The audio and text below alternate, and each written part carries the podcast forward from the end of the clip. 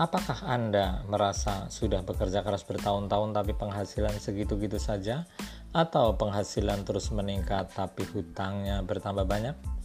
Ini salah satu penyebabnya adalah karena plafon rezeki Anda belum ditingkatkan.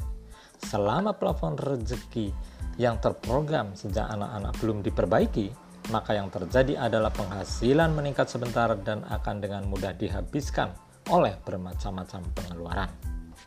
Komunitas Wirausaha Indonesia sebagai wadah pembelajaran dan perubahan mental wirausaha mengajak Anda untuk bergabung dalam grup WA Train Entrepreneur.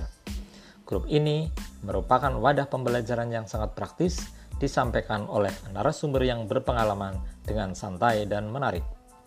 Materinya sangat berbobot antara lain cara mengubah pola pikir miskin menjadi pola pikir kaya, cara meningkatkan plafon rezeki, praktek audio terapi bawah sadar, tahapan meraih pasif income, cara menghilangkan mental sulit sukses, dan cara meningkatkan kecerdasan finansial.